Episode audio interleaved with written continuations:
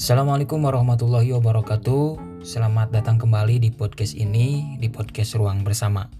Bersama saya Farhan Abdul Latif, tuan rumah Ruang Bersama. Kali ini saya akan sedikit uh, men-share atau sedikit membagi cerita saya uh, tentang yang sedang viral hari ini ya. Yang sedang banyak dibahas oleh orang-orang, yang sedang banyak diungkit oleh orang-orang terutama uh, masyarakat Indonesia khususnya. Apa itu dan seperti apa uh, yang akan dibahas oleh saya? Terutama ini pembahasannya menyangkut dengan kita sebagai mahasiswa. Kalau penasaran, teman-teman bisa uh, kepoin terus atau bisa pantengin terus podcast ini, podcast Ruang Bersama. Kita akan mulai sebentar lagi. Enjoy.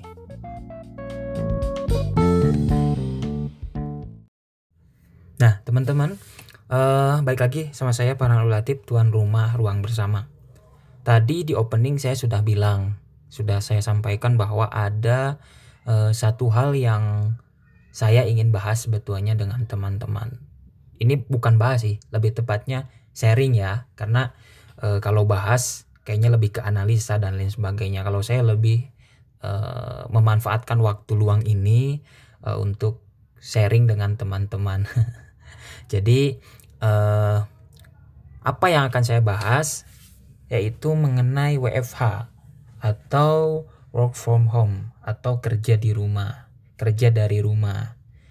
Ini kan sekarang sedang viral ya, terutama sedang booming gerakan ini yang dipelopori oleh pemerintah, khususnya atau imbasnya untuk uh, pekerja yang memang dulunya bekerja di perkantoran, di kantor, di pabrik, dan lain sebagainya. Nah, work from home ini atau kerja di rumah ini atau kerja dari rumah ini memang uh, sedikit apa ya sedikit memiliki uh, nilai positif ataupun negatif gitu ada negatifnya ada positifnya dalam WFH ini kita singkat aja ya menjadi WFH karena kalau work from home terlalu beribet saya kan nggak biasa gitu jadi uh, saya coba untuk singkat aja menjadi WFH gitu. Nah, ini kan imbasnya kepada pekerja, terutama pekerja yang memang kerjanya itu harus keluar rumah. Apalagi pekerjaannya ini pekerja yang memang tidak eh, apa ya, tidak seperti pekerja kantoran yang memang selalu ada kerjaan setiap hari. Dan itu selalu eh, katakan gajinya pasti ada gitu. Saya ngomongin gaji nih nggak enak tapi nggak apa-apa lah ya. Gajinya selalu ada. Kalau orang yang bekerjanya harus keluar rumah kayak pedagang gitu ya pedagang jajan-jajanan anak terus pedagang jajanan yang SD gitu kan itu kan imbasnya sangat sangat e, berpengaruh pendapatannya berkurang gitu yang biasanya pendapatannya itu banyak walaupun pas-pasan menurut kita akhirnya yang pas-pasan itu justru menjadi berkurang ini kan menjadi kekhawatiran kita bersama ya nggak teman-teman. Nah eh, soal WFH ini memang orang banyak berbicara, terutama para pekerja yang merasakan imbasnya. Banyak pekerja yang mengeluhkan bahwa kerja di rumah ini atau WFH ini sangat sangat eh, apa ya sangat berpengaruh terhadap pendapatannya bahkan ada yang bilang kenapa harus ada gerakan WFH Nah, kalau berbicara kenapa pasti ada sebabnya dan teman-teman kayaknya sudah tahu dan ini sudah viral. Jadi, saya tidak akan menjelaskan lebih lanjut kenapa dan alasannya seperti apa. Tapi yang akan saya bahas hari ini adalah imbasnya kepada kita, mahasiswa atau pelajar yang belajarnya di rumah, memiliki tugasnya di rumah, dan lain sebagainya. Oke, teman-teman kalau mendengar pertama kali sih kita sebagai mahasiswa dan sebagai pelajar tentunya WFH ini sangat menguntungkan ya dari segi kemalasan kita tentunya.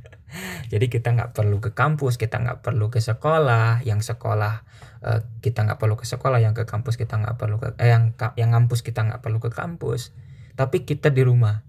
Awalnya sih ini dengar kabarnya enak, wah teman saya sampai sempat bilang bahwa wah ini WFH kayaknya bakal atau jangan WFH lah sekolah di rumah ya. Sekolah di rumah ini gerakan social distancing ini atau gerakan di rumah aja ini kayaknya menarik gitu. Kayaknya mengasihkan gitu. Kayaknya uh, bisa menambah kemageran kita gitu ya untuk belajar.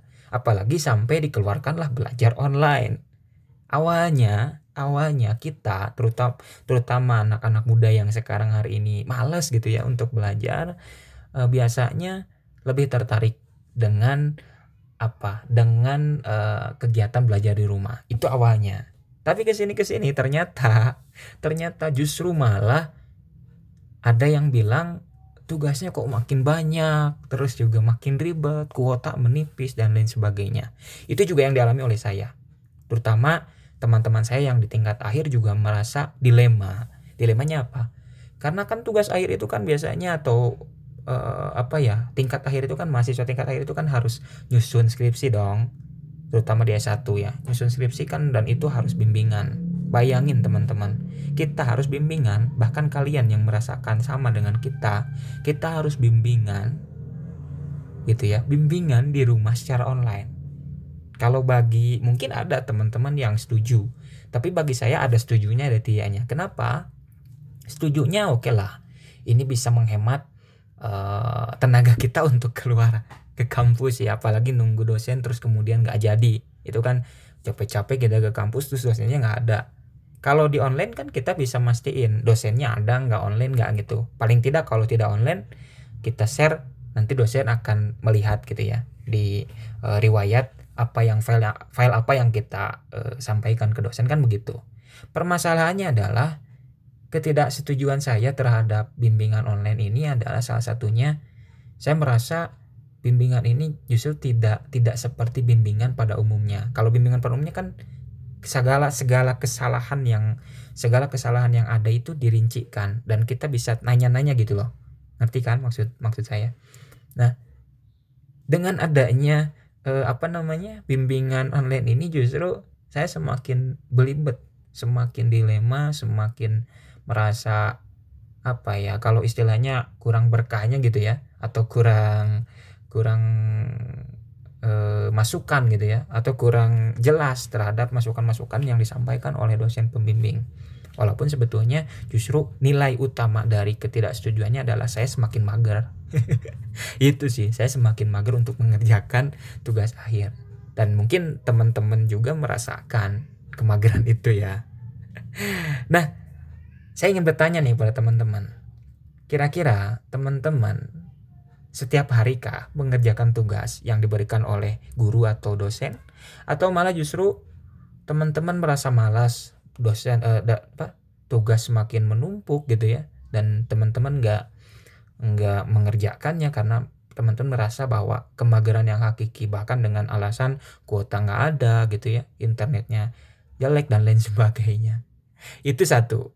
Kedua, yang dirasakan oleh kita sebagai pelajar dan mahasiswa adalah terkait dengan ada yang bilang ini sih mungkin kayaknya ada yang setuju ada yang tidak. Ini semacam jokes pendapatan kita berkurang ya enggak coy ya enggak teman-teman? Pendapatan kita berkurang. Kalau dulu kita ke sekolah paling tidak kita dikasih jajan ya.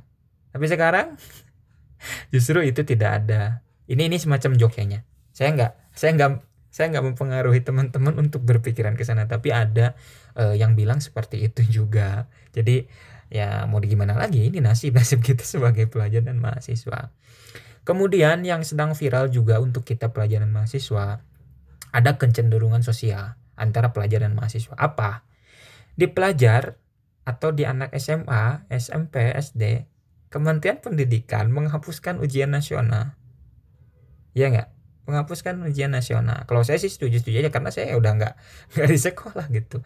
Tapi justru malah jadi semacam eh, apa ya ketidak ketidakadilan gitu.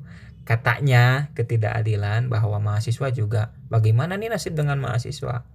Mahasiswa juga pengennya skripsinya ditiadakan atau tugas akhirnya dia tiadakan karena banyak alasannya katanya. Ada yang bilang bahwa kita kan harus butuh kuota kita kan harus butuh biaya biayanya ya istilahnya buat beli itu ya beli kuota dan sebagainya bahkan bimbingan ini dirasa tidak fleksibel tidak tidak apa ya tidak uh, tidak seharusnya tidak jelas gitu ya. Dan bimbingan ini justru malah menjadi menjadikan kita sebagai uh, bahan percobaan. Apalagi kalau misalkan sampai ribet gitu ya ngurusin bimbingan secara online. Tapi ya apa boleh dibuat ya? Tentunya ini juga menjadi uh, pilihan bukan pilihan sih sebetulnya menjadi nasib kita sebagai mahasiswa uh, teman-teman uh, kira-kira nih saya juga sebetulnya bingung ya mau ngomongin apa lagi tapi saya ingin sedikit uh, bertanya juga kepada teman-teman semua teman-teman apa sih yang dilakuin selama ini di rumah gitu apakah memang tadi apa yang saya disampaikan bahwa teman-teman mager gitu atau memang teman-teman mengerjakan tugas atau memang bingung mau ngapain gitu. Kalau saya sih ini sebagai contoh aja ya. Kalau saya sih lebih seneng di jadwal men. Jadi jadwal saya itu kadang-kadang buat paginya dipakai buat ngejain tugas. Kadang-kadang lo ya ini ya. Jangan dijadikan patokan. Kemudian siangnya saya coba buat belajar uh, apa ya istilahnya belajar ngedit dan lain sebagainya e, malamnya juga saya belajar ngedit dan lain sebagainya intinya coba deh hari-hari teman-teman itu hari-hari teman-teman ya yang sekarang di lockdown ya istilahnya sekarang dikurangin e, aktivitas di luar kenapa tidak melaksanakan bukan melaksanakan formal ya e, tidak mengisi gitu loh mengisi waktu luangnya dengan hobi teman-teman yang bisa dilakukan di rumah.